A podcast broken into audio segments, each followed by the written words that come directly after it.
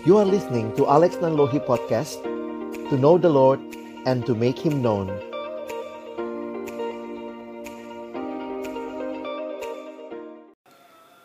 Mari sama-sama kita membaca firman Tuhan Namun sebelumnya kita satukan hati untuk masuk di dalam doa Bapa di dalam surga, kami datang dalam ucapan syukur malam hari ini. Terima kasih untuk Tuhan yang sudah memimpin perjalanan kehidupan kami.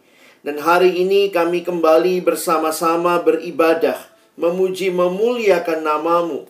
Tiba waktunya juga bagi kami untuk membuka firman-Mu ya Tuhan. Kami mohon ketika kami membuka firman-Mu, bukalah juga hati kami. Jadikanlah hati kami seperti tanah yang baik, supaya ketika benih firman-Mu ditaburkan itu boleh sungguh-sungguh berakar, bertumbuh, dan juga berbuah nyata di dalam kehidupan kami. Berkati baik hambamu yang menyampaikan, setiap kami yang mendengar. Tuhan tolonglah kami semua. Agar kami bukan hanya jadi pendengar-pendengar firman yang setia, tapi tolong mampukan kami dengan kuasa pertolongan dari rohmu yang kudus. Kami dimampukan menjadi pelaku-pelaku firmanmu di dalam kehidupan kami, di dalam masa muda kami. Bersabdalah ya Tuhan, kami anak-anakmu sedia mendengarnya dalam satu nama yang kudus. Nama yang berkuasa, nama Tuhan kami Yesus Kristus. Kami menyerahkan pemberitaan firman-Mu. Amin. Shalom, selamat malam teman-teman yang dikasihi dalam Tuhan Yesus Kristus. Kita bersyukur kepada Tuhan hari ini kita ini namanya berzumpa ya karena lewat Zoom ya. Jadi di tengah-tengah situasi yang mungkin juga kita berpikir dengan pandemi yang belum usai, sebagian besar kita masih harus melakukan uh, berbagai hal secara online. Nah, saya pikir ini jadi hal yang menarik juga untuk sama-sama kita boleh uh, datang kepada Tuhan, bersyukur untuk perjalanan setiap kita, khususnya adik-adik mahasiswa baru yang Tuhan pimpin hingga saat ini. Tema kita sore hari ini adalah aku ya, aku uh, ambisiku dan rancangan Tuhan ya. Nah, saya ingin kita melihat tema ini waktu uh, Kak Alex cari gambar, wah ini ada gambar yang menarik ya. Seringkali kita tanpa sadar merasa, wah ini hidup saya, masa depan saya. Jadi kita merasa seperti Superman, Superwoman. Aku, ambisiku, dan rancangan Tuhan. Ya, nanti kita akan lihat sama-sama tema ini. Dan sekali lagi di tengah-tengah situasi pandemi yang belum selesai ini, kalau kalian kan anak kesehatan ya, hubungannya sama kesehatan, kalau bicara pandemi, endemi itu udah makanan sehari-hari teman-teman ya. Jadi mengerti hal-hal seperti itu, tapi memang bayangkan ya, COVID yang awalnya hanya masalah kesehatan telah menjadi masalah sosial, masalah sedunia ini ya. Sampai juga jadi masalah pendidikan, kita harus belajarnya online. Ini juga jadi masalah pekerjaan bagi orang tua atau bagi alumni yang sudah bekerja, harus bekerja, ada yang harus masuk tapi ada yang juga dari rumah.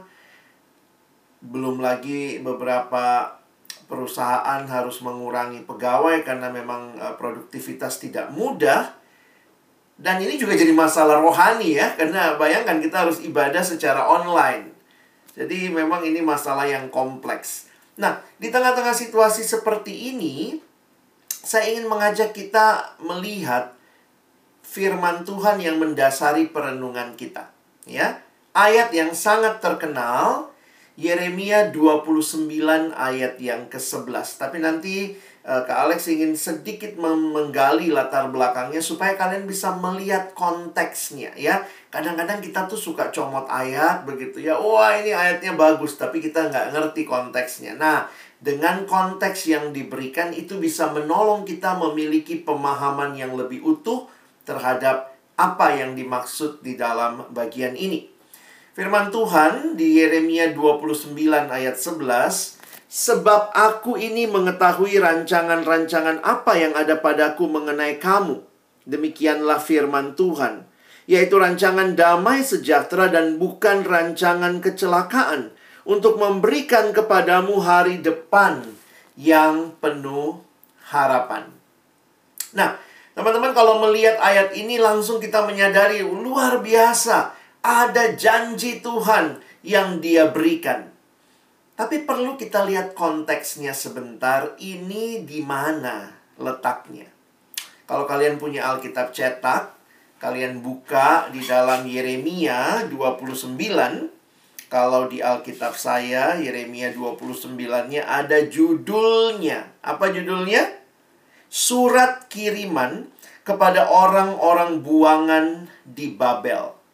Jadi sebenarnya ayat ini adalah bagian dari surat kiriman yang ditulis oleh Nabi Yeremia dikirim oleh Nabi Yeremia kepada orang-orang buangan di Babel. Jadi, apa sih artinya dibuang kalau kalian mengerti sejarah bangsa Israel bahwa ketika raja-raja mereka, ya, raja-raja mereka itu tambah lama tambah jahat. Kita lihat ya, pernah nggak baca surat atau kitab raja-raja? Kita lihat raja ini tambah jahat, diganti anaknya lebih jahat lagi, diganti lagi anaknya tambah jahat. Nah, lalu kemudian kita melihat bagaimana Tuhan murka kepada mereka dan Tuhan membuang mereka. Nah, teman-teman, kalau kita ingat Allah berjanji kepada Abraham, salah satu bagian janjinya kan ada tiga hal yang Tuhan janji ya. Tuhan janji Abraham, keturunanmu akan kubuat sangat banyak. Lalu kemudian yang kedua, Tuhan menjanjikan tanah. Tanah yang kau injak ini akan menjadi milik kepunyaanmu, tapi bukan waktu kamu, nanti keturunanmu yang akan mendiami tanah ini.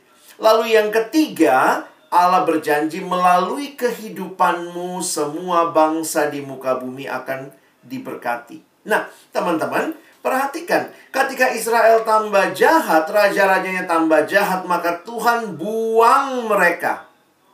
Ya. Jadi ingat, tadinya mereka dikasih tanah, sekarang Tuhan buang mereka dari tanah itu.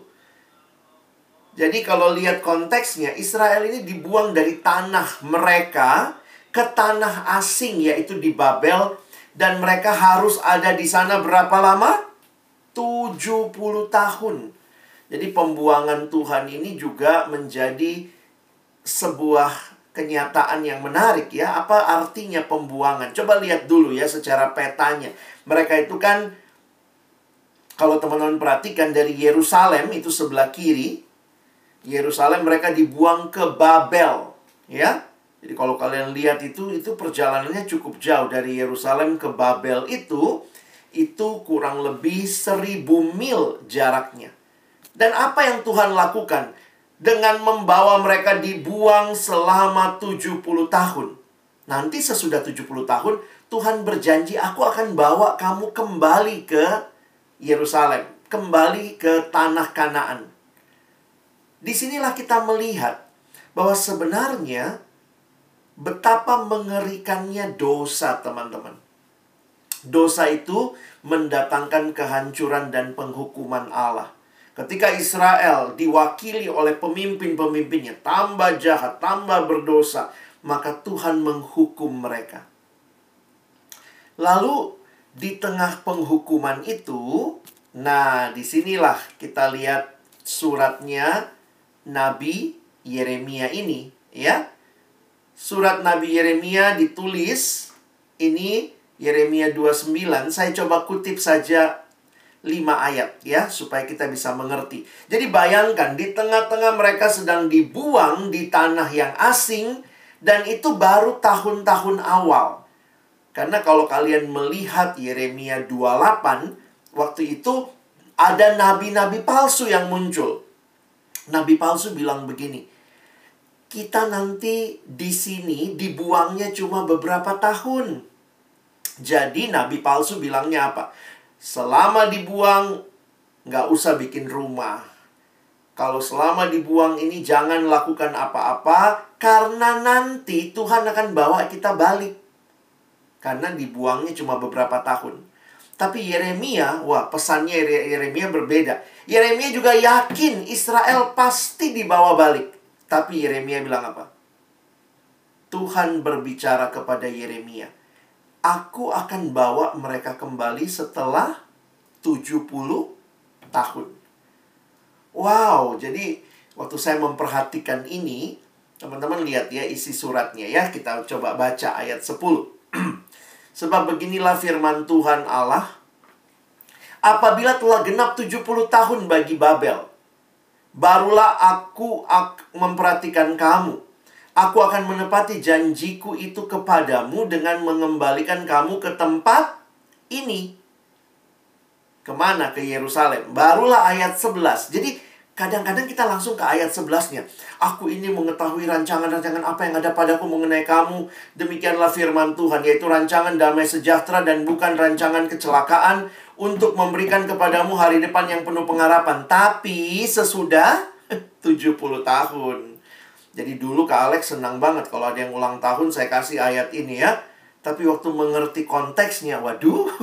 Jadi setelah 70 tahun. Ya, nggak apa-apa, tetap bisa kita kasih ayat ini sebagai ayat ulang tahun. Ayat ini pun hari ini jadi ayat yang kita bahas. Poinnya adalah menarik. Bahwa Tuhan punya rancangan yang indah. Tapi ingat, tidak selamanya prosesnya seperti yang kita pikirkan. Atau bahkan tidak selamanya prosesnya seperti yang kita mau. Itulah yang kita bisa lihat dari apa yang Tuhan lakukan kepada Israel. Secara khusus karena mereka lagi bandel ya, mereka berdosa sama Tuhan, Tuhan buang. Tapi Tuhan bilang, kamu akan di sini cuma 70 tahun. Karena rencanaku untuk kamu adalah rancangan damai sejahtera. Memberikan kepada kamu hari depan yang penuh harapan. Jadi, teman-teman, menjalani 70 tahun dengan pengharapan ayat 11 bagi saya itu menarik. Dilanjutkan, lihat ayat 12-nya ya. Dan apabila kamu berseru dan datang untuk berdoa kepadaku, maka aku akan mendengarkan kamu. Apabila kamu mencari aku, kamu akan menemukan aku. Apabila kamu menanyakan aku dengan segenap hati. Perhatikan ayat 14. Aku akan memberi kamu menemukan aku. Demikianlah firman Tuhan. Dan aku akan memulihkan keadaanmu dan akan mengumpulkan kamu dari antara segala bangsa dan dari segala tempat ke mana kamu telah kucerai beraikan. Demikianlah firman Tuhan dan aku akan mengembalikan kamu ke tempat yang dari mana aku telah membuang kamu. Teman-teman, apa kesimpulan kita tentang penghukuman Allah? Sebenarnya penghukuman Allah itu tidak pernah bermaksud untuk menghancurkan sama sekali. Tujuan penghukuman Allah kalau kita lihat adalah pemulihan. Allah harus bawa Israel pergi ke tanah asing 70 tahun. Tapi sesudah itu Tuhan bilang, aku punya rancangan damai sejahtera. Aku akan mengembalikan kamu seperti yang kita baca di ayat ini. Jadi ngerti sekarang ya konteksnya ayat ini ya. Jangan cuma baca ayat sebelasnya, kita harus lihat juga konteksnya. Tapi yang kita perlu ambil sore hari ini, bahwa rancangan damai sejahtera yang Tuhan berikan sering kali prosesnya tidak mudah. Nah, Alex nggak tahu nih teman-teman ada di Fakultas Kesehatan Masyarakat, Fakultas Farmasi, ini memang pilihanmu, atau ini pilihan keduamu, atau ini pilihan orang tuamu, atau kamu nggak pernah ngarep, eh dapatnya ini, karena juga memang e, berharapnya pasti yang pilihan yang di atas, eh masuknya ke sini. Nah, saya nggak tahu nih tapi bagaimana meyakini ayat ini buat kita? Kita kan nggak sedang berdosa ya. Saya harapkan kita nggak ada yang lagi sedang berdosa lalu kemudian harus Tuhan hukum. Saya mau mengajak kita melihat bahwa apa pun kondisi kita sekarang, tetapi janji firman Tuhan di ayat ini, proses yang Tuhan sedang berikan untukmu, sebuah proses yang pada akhirnya adalah rancangan damai sejahtera bukan rancangan kecelakaan, dan untuk memberikan kepadamu hari depan yang penuh harapan. Teman-teman, kadang-kadang kalau kita bicara kehidupan, nah Kak Alex mau kasih contoh begini ya, sadar atau tidak, kita itu sebenarnya sedang menghidupi sebuah cerita. Ya, setiap kita sadar atau tidak sedang menghidupi sebuah cerita. Kenapa? Karena cerita itulah yang akan memberikan makna kepada hidup. Saya pinjam penjelasan dari seorang teolog bernama Timothy Keller. Dia bilang begini, Orang tidak bisa membuat apa pun menjadi sesuatu yang masuk akal atau memiliki arti tanpa menempatkannya di dalam semacam alur cerita. Jadi alur cerita ini yang akan memberikan meaning, arti kepada kisah kita. Saya kasih contoh begini ya.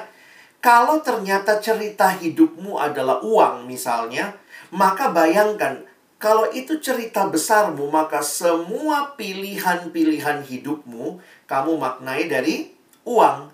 Karena uang itulah yang menjadi cerita besarmu. Oh, dan ternyata kalau kita melihat itu seperti sedang pakai kacamata gitu ya. Melalui sebuah lensa yang kita pakai melihat kehidupan. Pernah pakai kacamata yang berwarna misalnya ya kacamatanya merah kamu pakai semua yang kamu lihat jadi merah. Kacamatanya hitam kamu pakai semua yang kamu lihat jadi hitam. Itu mau menunjukkan kepada kita begini.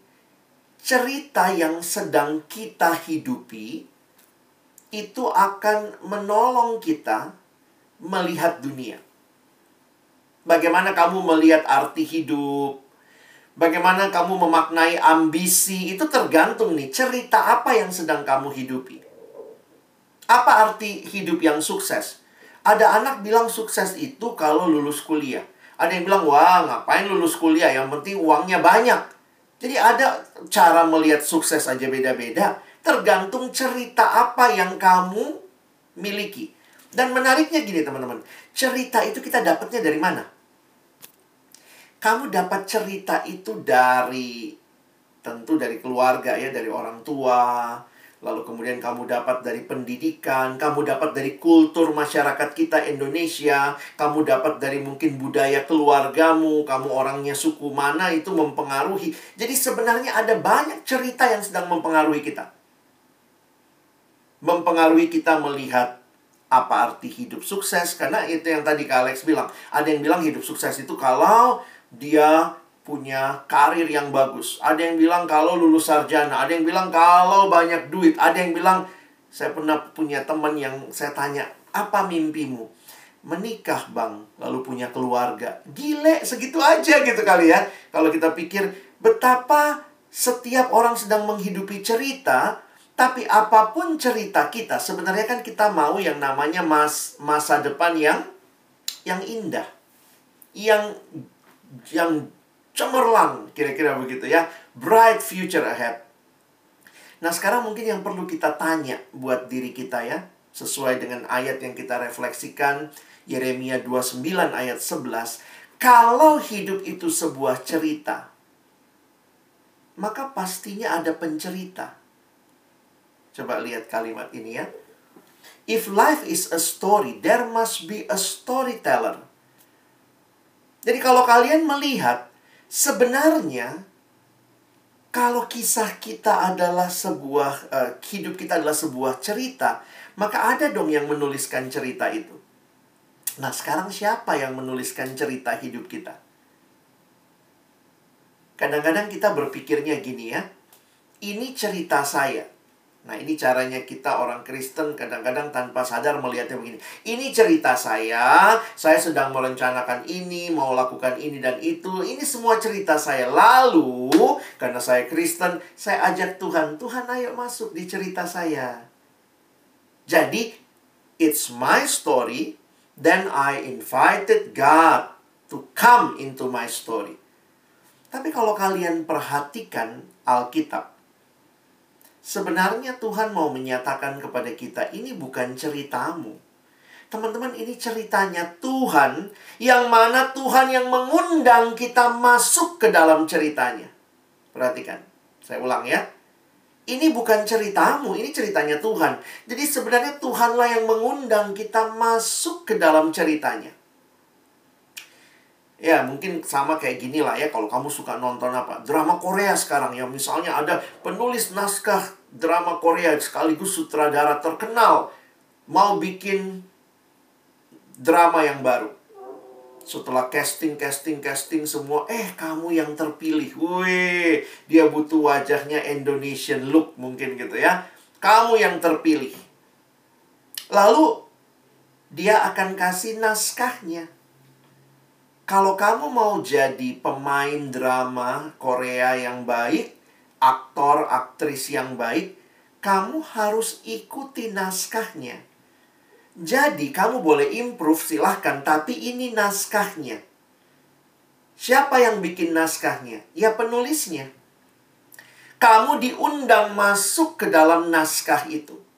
Jangan dibalik. Ini bukan naskahmu lalu kamu undang si penulis masuk ke dalamnya. Tidak Demikian juga hidup kita bukannya kita yang mengundang Allah masuk dalam cerita kita, tetapi sebenarnya Allah yang sedang mengundang kita masuk ke dalam cerita yang sedang Dia tulis. Inilah yang membuat kita harusnya memandang hidup kita dari perspektifnya Allah, bukan dari perspektif kita.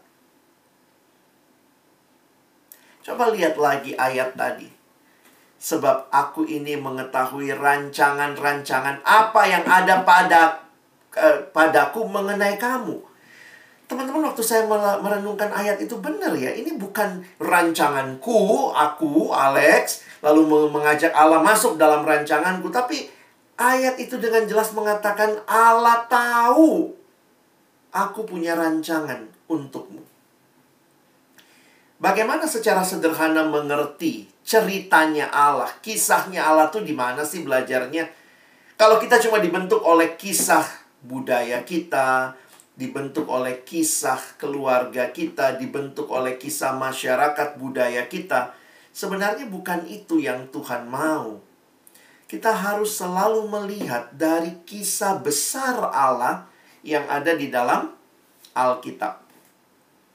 Jadi sebenarnya kita harus ngecek nih kisah kita itu masih dekat nggak sama apa yang Tuhan nyatakan di dalam kitab suci? Karena inilah sebenarnya yang menjadi kisah yang mana kita harus, ini naskahnya ya kira-kira gitu ya. Kalau kamu main drama Korea, ini naskahnya. Kamu mesti ikutin naskahnya. Dengan kamu ikutin naskahnya, kamu sedang menjalani ceritanya Allah. Coba bayangkan kalau Alkitab ini diperes teman-teman ya. Diperes, ada yang bilang Eh, saya mengutip seorang teolog bernama Christopher Wright. Dia bilang kalau lihat kisah Alkitab, kalau Alkitab ini diperes ya kira-kira, itu ada enam cerita utama. Dia pakai simbol ini. Dia bilang the Bible is like a drama with six acts or stages. Jadi Alkitab itu seperti drama enam babak. Nah, gambar ini atau simbol-simbol ini menolong kita mengingat. Dia bilang, kamu bisa jelasin loh kalau temanmu nanya, Alkitabmu apa sih isinya? Saya duduk sini. Dua menit, saya cukup waktu dua menit jelaskan. Gambarkan aja enam simbol ini. Yang pertama, panah ke bawah. Itu adalah penciptaan. Allah mencipta. Yang kedua, manusia jatuh dalam dosa, fall.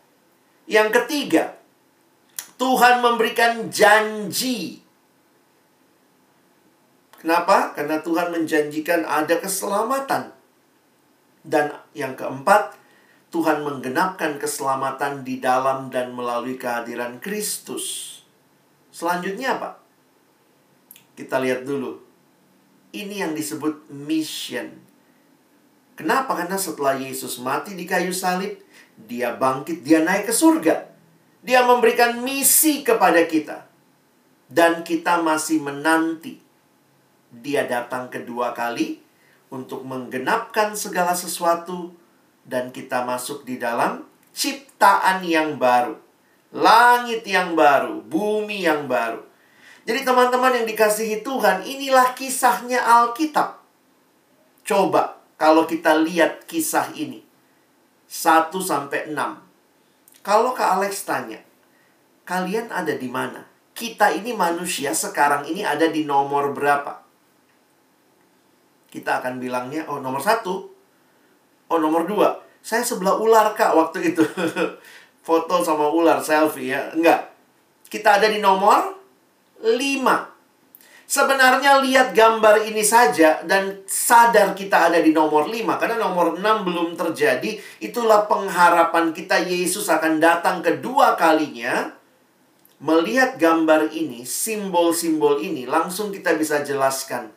Kalau saya hidupnya nomor 5 sekarang, maka my life is a mission. Hidup saya adalah sebuah misi dan ini bukan misi saya. Teman-teman, lihat kalimat ini.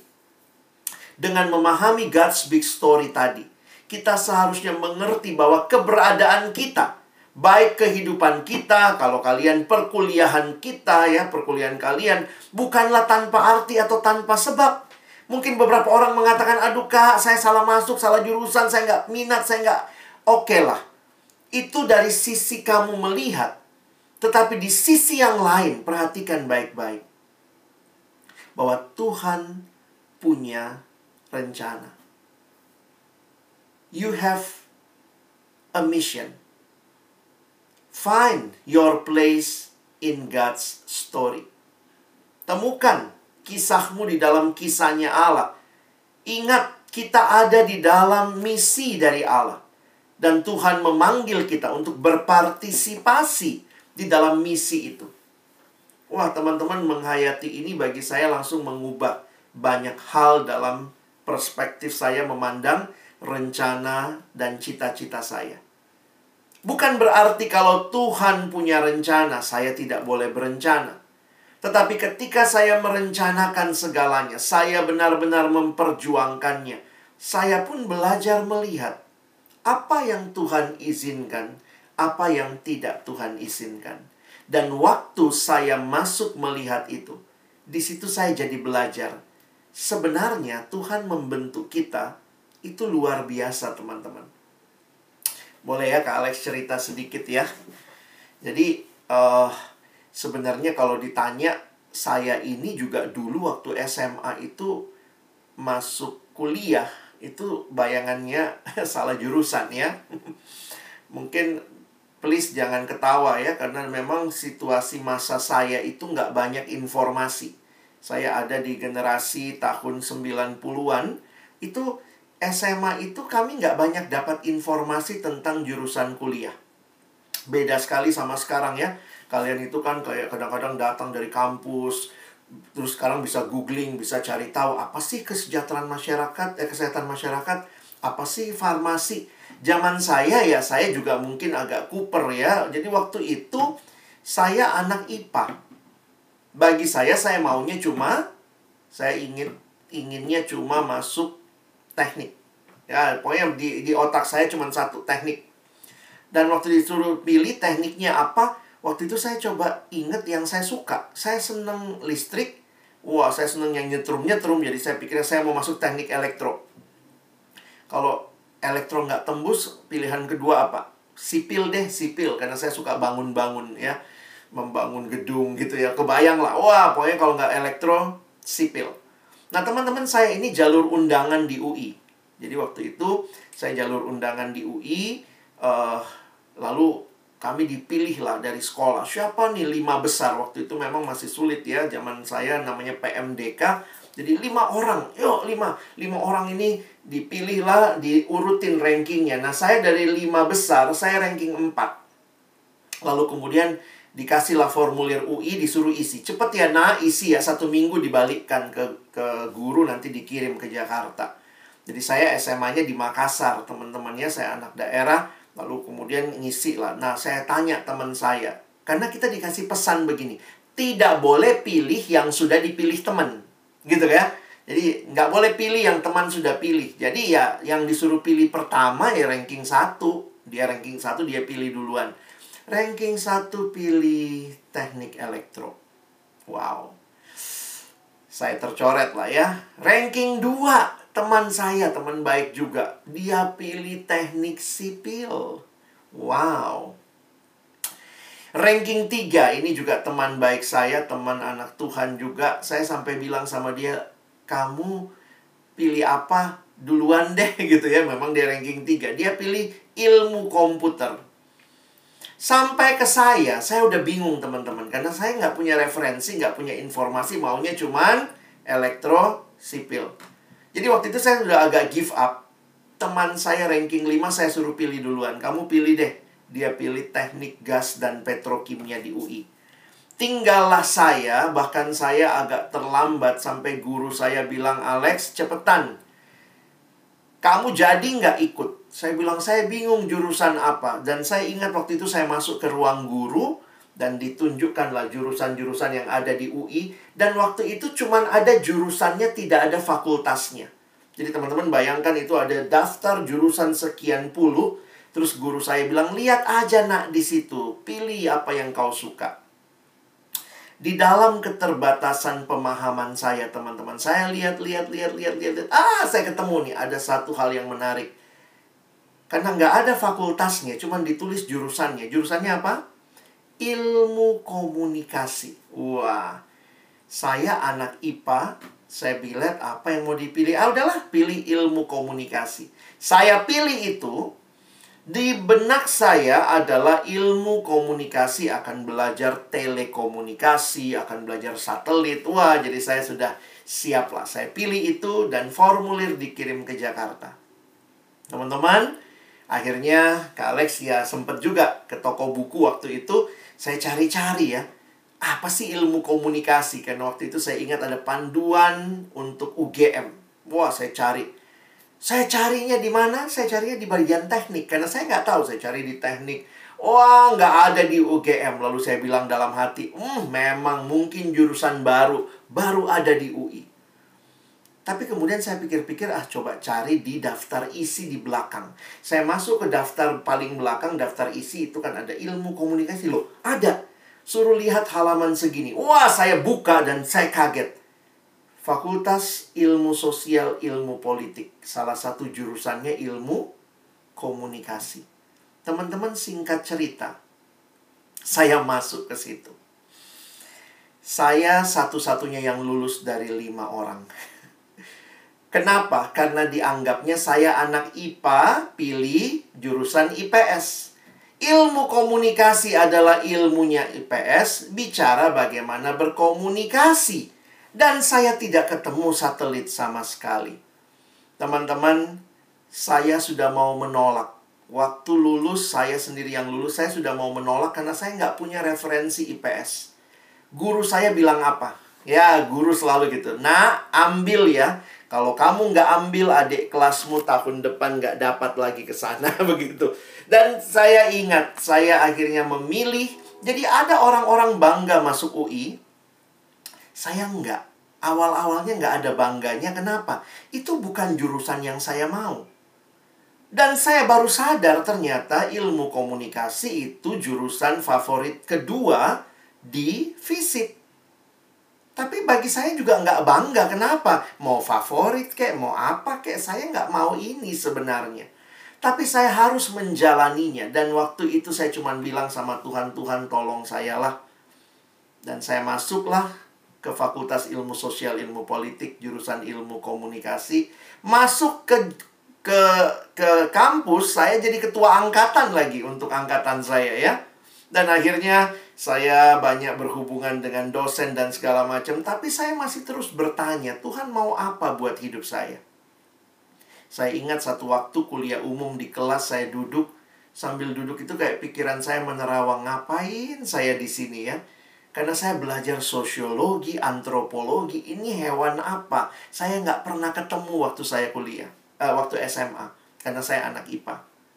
Nah teman-teman, singkat cerita, saya nggak bisa berkata Tuhan mana rancangan damai sejahtera ya saya nggak tahu deh buat saya juga waktu itu mulai ketakutan karena teman-teman tahu ujian sosiologi saya waktu itu agak pede juga ujian sosiologi waktu dibagikan kertas ujian uh, kertas hasilnya, waktu itu dosen saya tuh dia bagikan nilai nilai saja.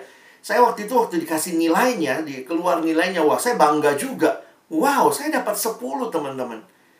Itu ujian sosiologi saya pertama dalam hati saya pikir ah ternyata gampang lah ilmu sosial ya. Saya dapat 10. Saya tanya teman saya, kau berapa? 30. Kau berapa? 50. Ternyata saya 10. Saya paling kecil di kelas gitu ya teman-teman ya nilainya. Jadi jujur aja kalau dikatakan rancangan damai sejahtera, baca ayat itu, aduh kayaknya Tuhan mana damai sejahteramu. Tapi satu hal yang Tuhan pakai bagi saya. Tuhan ternyata memakai persekutuan di kampus saya untuk menolong saya melewati proses ini. Proses yang saya lalui, saya mulai terlibat persekutuan karena di SMA saya dilayani, masuk di kampus saya juga terlibat dan saya ingat waktu itu salah satu firman di awal penerimaan mahasiswa baru. Pada waktu itu kalimat dari pembicara yang menyampaikan firman, dia bilang begini. Kalau setiap kamu punya rencana besar untuk dirimu, Mungkin kamu punya rencana besar buat dirimu. Gurumu punya rencana besar untuk dirimu. Orang tuamu punya rencana yang besar untuk dirimu. Maka ingatlah, pasti penciptamu punya rencana yang jauh lebih besar lagi buat dirimu. Kalimat itu yang membuat saya bertahan. Saya coba jalani. Saya lewati prosesnya. Tidak mudah. Saya dapat 10 tadi beberapa kali bikin paper saya terbiasa maunya hitung-hitungan matematika harus buat paper lalu kemudian belajar banyak hal tapi ternyata teman-teman ya setelah saya lewatin itu semua tahun depan waktu ditanya mau pilih ujian lagi saya akhirnya dalam pergumulan di hadapan Tuhan saya bilang tidak di sini bagian yang Tuhan berikan saya masih suka sama listrik-listrik tapi ya sudahlah paling bantuin ganti lampu benerin stop kontak. Tapi ilmu yang Tuhan berikan akhirnya ilmu sosial. Kalau saya hari ini melihat ke belakang, saya hanya bisa berkata, ini semua anugerah Tuhan. Karena ternyata ini cara Tuhan menyiapkan saya. Teman-teman, saya belajar ilmu komunikasi, saya jurusan humas, PR. Kalau orang nanya, loh Kak Alex kenapa sekarang jadi pembicara hamba Tuhan? Saya bilang sekarang saya PR-nya Yesus ya. Dan saya yakin cara Tuhan membentuk. Bahkan di luar cara pikir saya yang sangat terbatas. Saya hari itu cuma bilang salah jurusan. Saya hari itu lagi mengeluh sama Tuhan. Tapi hari ini saya bisa bersaksi bahwa ketika Tuhan tolong saya melewati prosesnya, ya nggak sampai 70 tahun ya kayak orang Israel ya. Tapi Tuhan mau meyakinkan bahwa aku punya rancangan yang indah untukmu. Teman-teman, kisah kisah kesaksian saya kiranya menolong kalian juga boleh melihat hidupmu ya.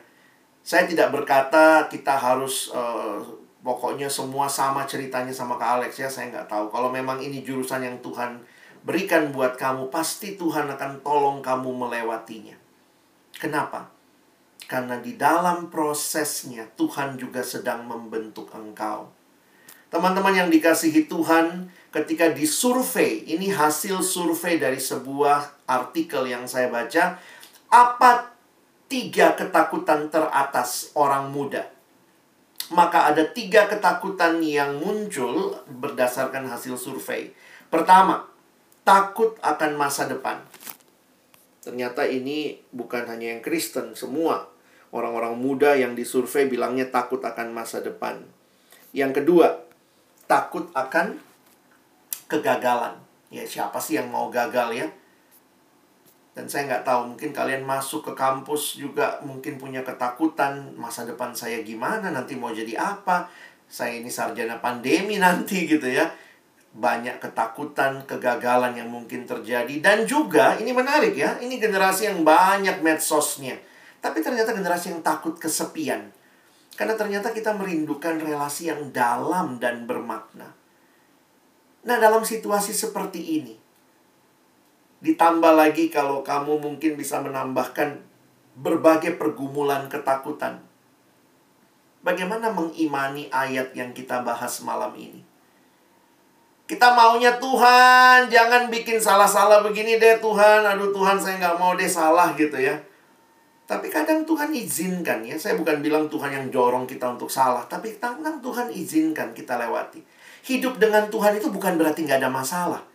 Baca di Alkitab, tidak pernah ada ayat yang berkata kamu hidup tidak ada masalah. Nggak ada ayat seperti itu. Saya udah cari, nggak ada. Tuhan tidak pernah janji. God never promises that we will never face struggles or problems. Lalu apa yang Tuhan janji? Dia berjanjinya ini, teman-teman. God walks with us in our struggles. Tuhan berjalan bersama kita di dalam pergumulan kita. Indahnya hidup itu apa? Indahnya hidup bukan kalau bukan karena nggak ada pergumulan. Wah, hidupku indah karena nggak ada pergumulan. Saya pikir itu hidup yang tidak real. Hidup pasti punya pergumulan, tetapi indahnya hidup karena di dalam pergumulan itu Yesus berjalan bersama kita. Life is a journey and it's a journey with Jesus. Karena itu adik-adikku yang dikasihi Tuhan, mari masuki hari-hari ke depanmu. Di mana fokusmu? Fokus sama dirimu, ketakutanmu, kegagalanmu, atau fokus kepada Allah seperti kata Amsal 3. Percayalah kepada Tuhan dengan segenap hatimu dan jangan bersandar kepada pengertianmu sendiri. Akuilah dia di dalam segala lakumu, maka ia akan meluruskan jalanmu. Kita bersyukur sejauh ini Tuhan sudah hantar kita.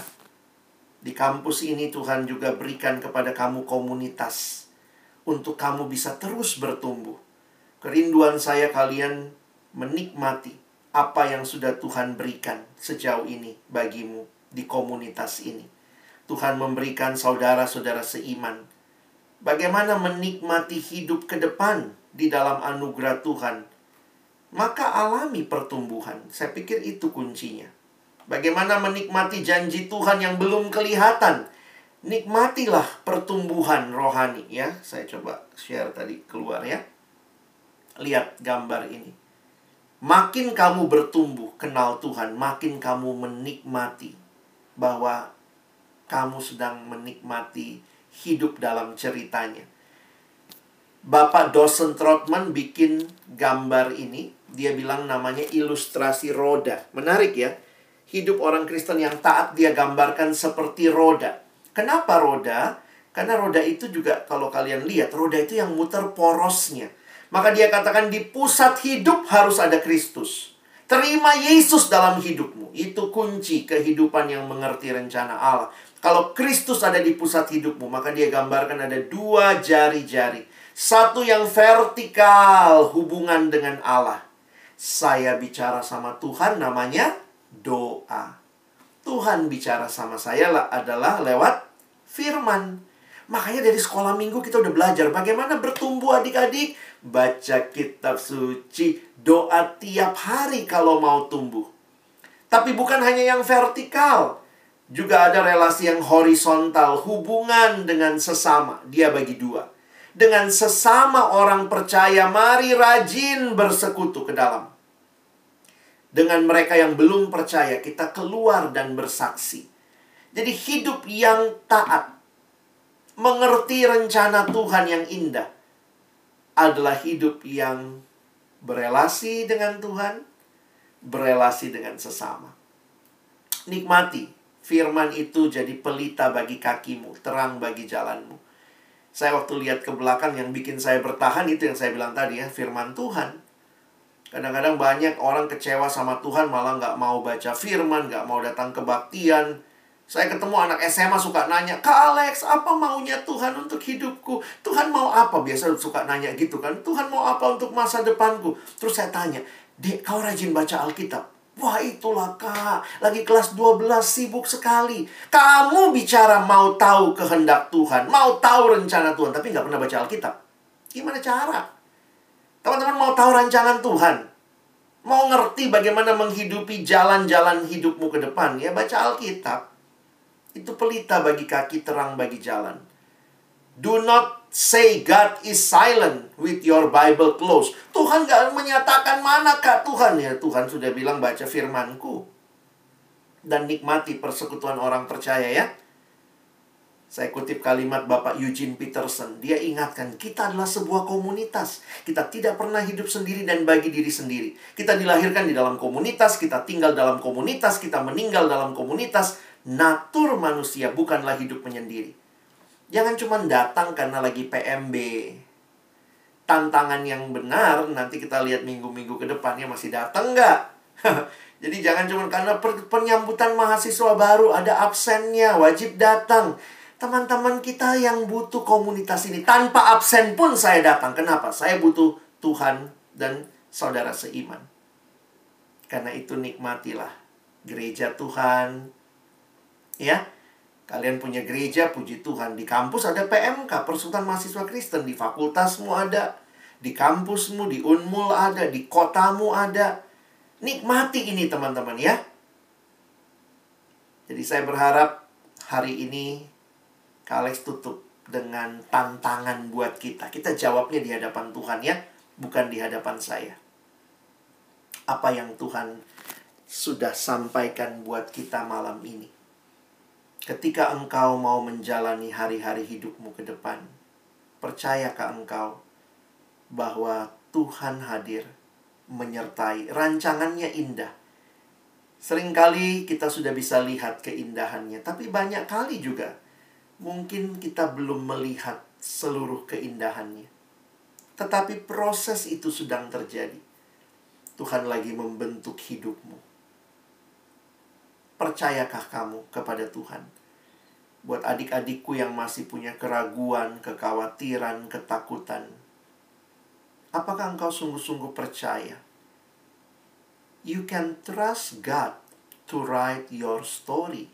Dia penulisnya bukan engkau. Percaya. Unik ya, kita itu orang Kristen disebut orang percaya. Tapi salah satu hal yang paling sulit kita lakukan adalah percaya itu sendiri ya. Menarik tuh bahasa Inggrisnya juga kita disebut believer. But the most difficult things for us to do is to believe. Karena itu saya tulis gini ya. Salah satu kesulitan besar bagi kita sebagai orang percaya adalah untuk sungguh-sungguh percaya. Apa maksudnya? Sungguh-sungguh percaya bahwa Allah tahu dan sanggup memberikan yang terbaik yang kita butuhkan. Walaupun mungkin sekarang kita belum melihat secara utuh. Tapi ketika Tuhan bekerja, serahkan dirimu.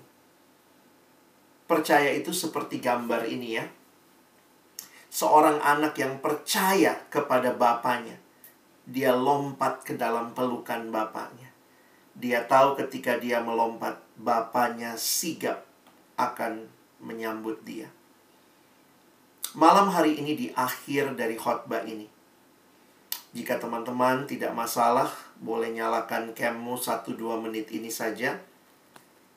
Kak Alex ingin mendoakan setiap kita kalau ada yang malam hari ini dengan camp yang kalian buka mau mengambil komitmen, keputusan untuk percaya kepada Tuhan. Menyerahkan hidupmu dipimpin oleh Tuhan. Percaya akan janjinya yang indah. Kalau ini yang menjadi keputusanmu. Setelah dengar firman ini. Aku mau percaya kepada Tuhan yang memegang masa depanku ada yang punya ketakutan, serahkan kepada Tuhan. Kekhawatiran, serahkan kepada Tuhan. Jika ini yang menjadi keputusan teman-temanku, saya mohon kita sama-sama menaruh tangan kanan kita di dada kita sebagai simbol penyerahan diri kita kepada Tuhan malam hari ini. Izinkan sebagai hamba Tuhan saya sekali lagi bertanya Siapa yang malam hari ini mau menyerahkan hidupnya kepada Tuhan? Tuhan, saya tidak mau berjalan dalam ketakutan. Saya pegang janjimu. Rancanganmu indah. Engkau yang paling tahu rancanganmu bagiku. Tolong aku siap dibentuk, taat dibentuk, lewati proses, dan percaya akhirnya indah di dalam Tuhan. Jika ada adik-adikku juga yang mau ambil keputusan ini, Saya mohon kita taruh tangan kanan kita di dada kita sebagai tanda penyerahan diri, percaya kepada Tuhan. Bapa di dalam surga, terima kasih untuk firman-Mu. Hamba menyerahkan adik-adikku yang malam hari ini boleh mengambil keputusan di hadapan Tuhan. Peganglah mereka, mereka milikmu ya Tuhan biarlah kehidupan ke depan. Mereka menjadikan Yesus satu-satunya Tuhan dan Juru Selamat dalam hidup mereka. Dan melangkah dengan pasti, bukan dengan ketakutan, bukan dengan keraguan. Meskipun prosesnya tidak mudah, belum ada hal yang kami lihat dengan jelas, tapi Tuhan hadir menyertai, dan itu cukup bagi kami. Lihatlah setiap hati yang terbuka di hadapanmu berserah kepadamu. Kuatkan dan teguhkanlah setiap keputusan.